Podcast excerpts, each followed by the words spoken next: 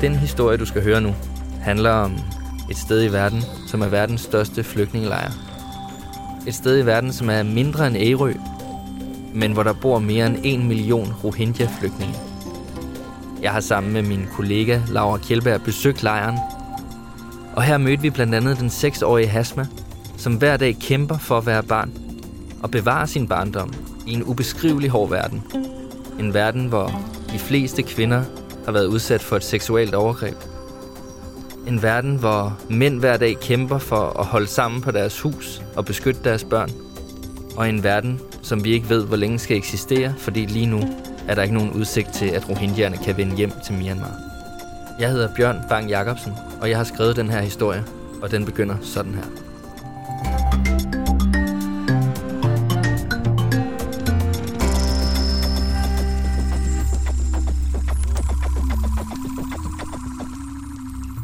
Snor rundt i mudderet, inden den hvide Toyota får fat og begynder at trille ud af lejren.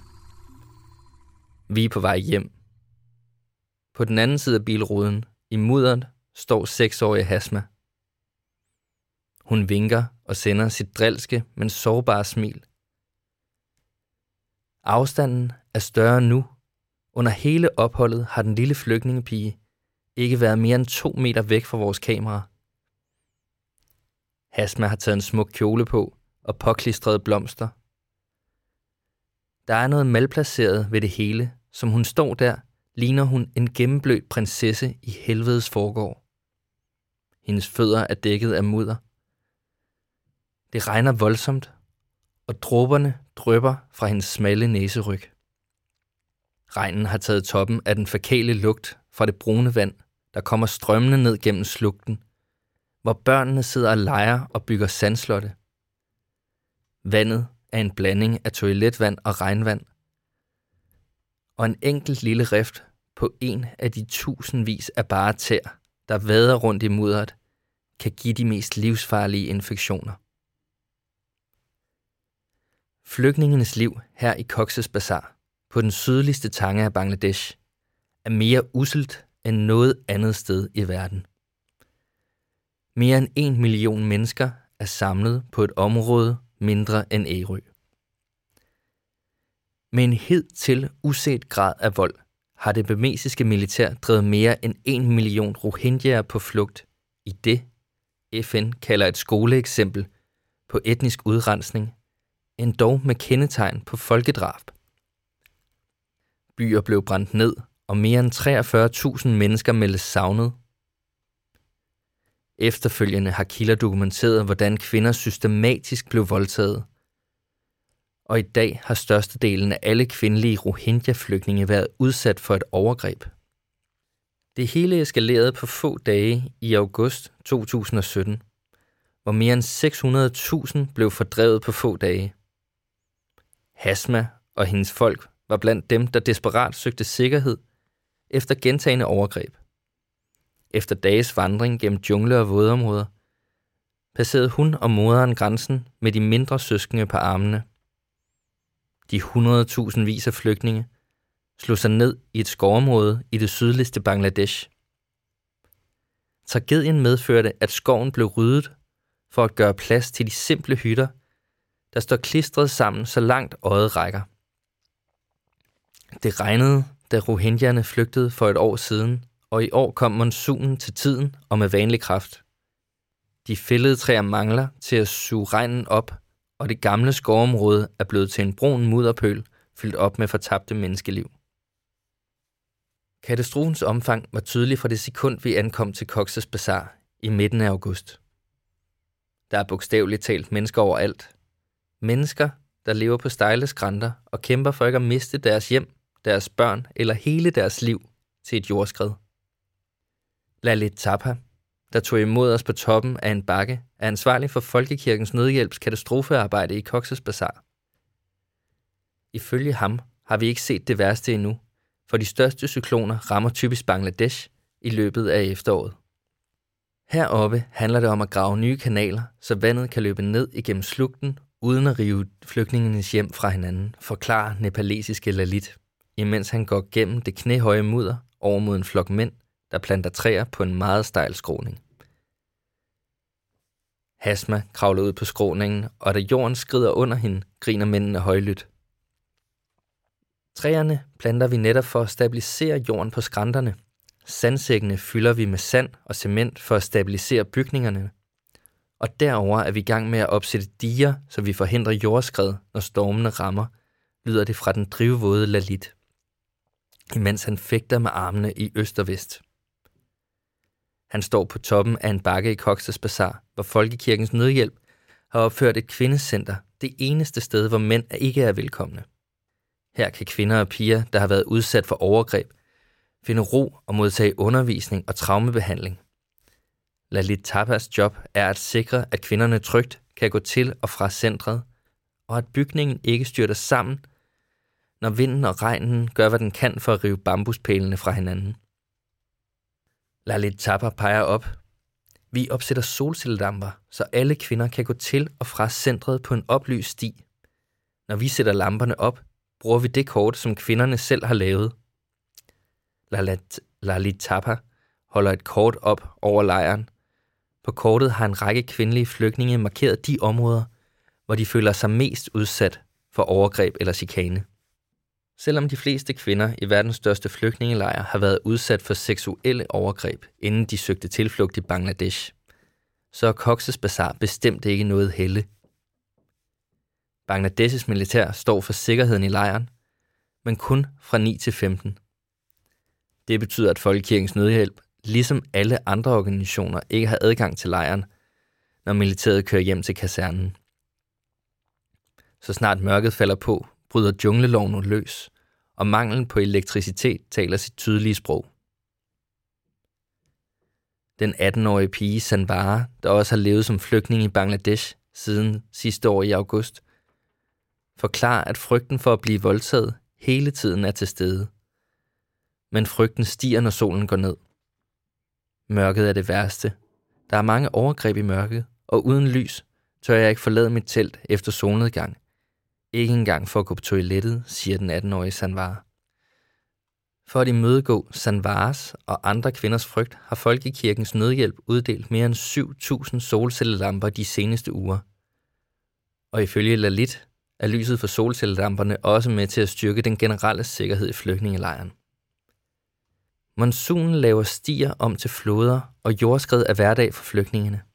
Regnen er så voldsom, at vi hele tiden må afværge en lurende katastrofe – Samtidig skal der være sammenhæng i vores nødhjælpsindsats, og derfor har vi særligt fokus på, at broerne og vejene herop til kvindecentret er sikre at gå på, siger Lalit Tapa. Igennem det seneste år er befolkningstallet i flygtningelejren Cox's Bazar steget til over 1 million. Og befolkningstætheden gør, at livet i Cox's Bazar er forbundet med en lang række livsfarer. For de fleste Rohingyaer har sommeren og vinteren været den første af slagsen i Bangladesh. Og derfor kender de heller ikke noget til de vejrforhold, der rammer den sydligste del af landet.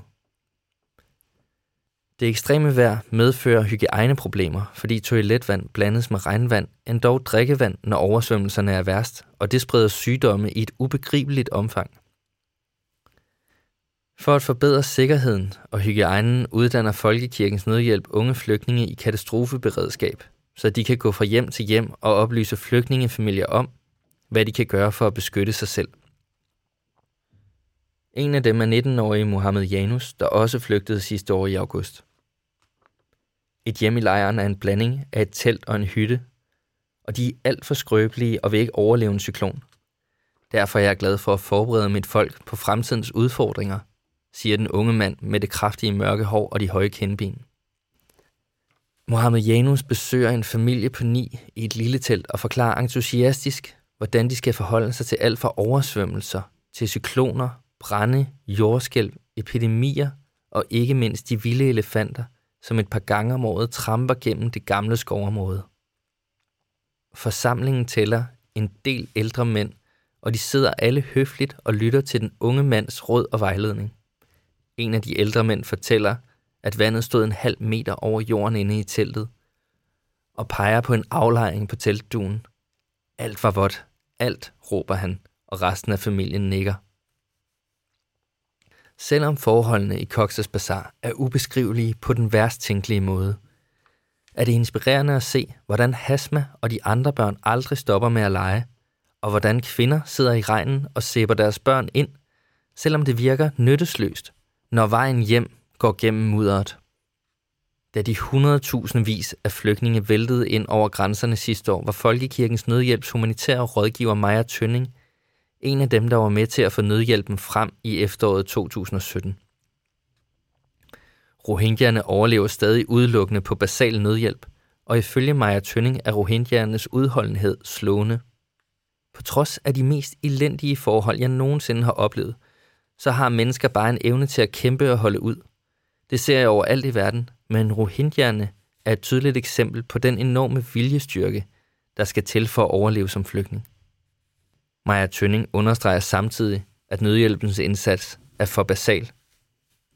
Der er et kæmpe potentiale for, at organisationer som Folkekirkens Nødhjælp kan forbedre forholdene i denne verdens største flygtningelejr, siger Maja Tønning og forklarer, at myndighederne i Bangladesh lægger store begrænsninger på, hvilken hjælp de humanitære organisationer må tilbyde flygtningene. Det betyder for eksempel, at det er ulovligt at støbe et fundament under flygtningenes hytter – selvom det kan redde tusindvis af liv, når stormen rammer. Bangladesh er naturligvis nok bange for, at flygtningenes forhold og muligheder skal overstige de forhold, de kommer fra i Myanmar, siger Maja, og et ironisk smil breder sig på hendes mund, inden hun tager tråden op igen. Helt ærligt, de forhold, vi er vidne til, er så kummerlige og perspektivløse, at vi har en menneskelig forpligtelse til at gøre mere. Men i stedet for at tillade en udvidet nødhjælpsindsats, har regeringen påbegyndt et storstilet projekt, der skal gøre øen Bashan Char beboelig for en stor del af rohingyerne. Både Reuters og BBC har besøgt øen, og Reuters reporter beskriver en sandbanke formet af slam, der steg op fra havets overflade for blot 20 år siden. Øen er formet af det mudder og det slam, som floden Magana tager med sig ud i havet, og den er så flad, at øens areal ændrer sig fra år til år. Maja Tønning insisterer på, at en forflyttelse af rohingyerne blot vil ekskludere dem yderligere, da man kun kan komme ud til Bashanchar, hvis man har en speedbåd og brændstof nok til halvanden time. Vi har brug for en samlet stemme, hvor alle NGO'er, der arbejder i Bangladesh, lægger pres på regeringen for ikke at gøre det her til virkelighed. Det kan meget nemt blive en menneskelig tragedie. I starten var der ikke mange, der tog ideen seriøst om at gøre denne flygtningegruppe til isolerede øboere – men den virkelighed nærmer sig drastisk i takt med, at et kinesisk entreprenørfirma er blevet hyret til at anlægge bungalows til de første 100.000 mennesker. Den 18-årige Sanvara, der lever som flygtning i Cox's Bazar, håber heller ikke, at hendes skæbne ligger i den bengalske bugt. Vores liv her er farligt, og jeg ønsker mig selvfølgelig et bedre liv. Der er gået et år siden, vi måtte flygte, og jeg strømmer stadig om dem, her forstås de bemesiske soldater. Om natten men løsningen må ikke være at sende os ud på den ø, som ingen kender, så bliver vi bare glemt, siger Sanvara. Bangladesh har taget imod mere end en million Rohingya-flygtninge, samtidig med at landet tydeligvis har sine egne problemer at slås med. Det er et af verdens tættest befolkede lande, og alene det gør det beundringsværdigt, at bengalerne har fundet plads til rohingyerne. Men efter et år begynder regeringen i Bangladesh at blive utålmodig og der er ingen fremgang i hjemsendelsesprocessen. Mohammed Janus, Sanvara og selv den 6-årige Hasma drømmer om statsborgerskab i Myanmar, men der er ringe udsigt til at vende hjem til et normalt liv. De få Rohingya, der har forsøgt at vende hjem til Myanmar, er ifølge New York Times endt op i pigtrådsindhegnede områder. Da vi kom hertil, kørte vi igennem de landsbyer, der ligger tæt på flygtningelejren, Fattige landsbyer, som til forveksling kunne ligne en flygtningelejr. Nu er vi på vej den anden vej. Og den glidende overgang fra flygtningeliv til landsbyliv vidner om, at Bangladesh ikke kan løfte rohingyernes fremtid alene. Vi kører ud af lejren. Væk, hjem. Jeg kan kun svagt skæmte Hasma i sidespejlets horisont. Nødhjælpsmedarbejdere kommer og går ud af verdens største flygtningelejr. Men hvor er Hasma på vej hen? Var det her bare det første ud af en lang årrække som flygtning, sidder Hasma snart på en båd for at blive sat ud på en ubeboet ø i den bengalske bugt. bliver den seksårige pige gammel på den ø. Og det var afslutningen på historien. Hvis du vil vide mere om Folkekirkens Nødhjælps arbejde, så kan du læse mere på nødhjælp.dk, eller du kan finde os på Facebook, hvor vi hedder Folkekirkens Nødhjælp. Tak fordi du lyttede med.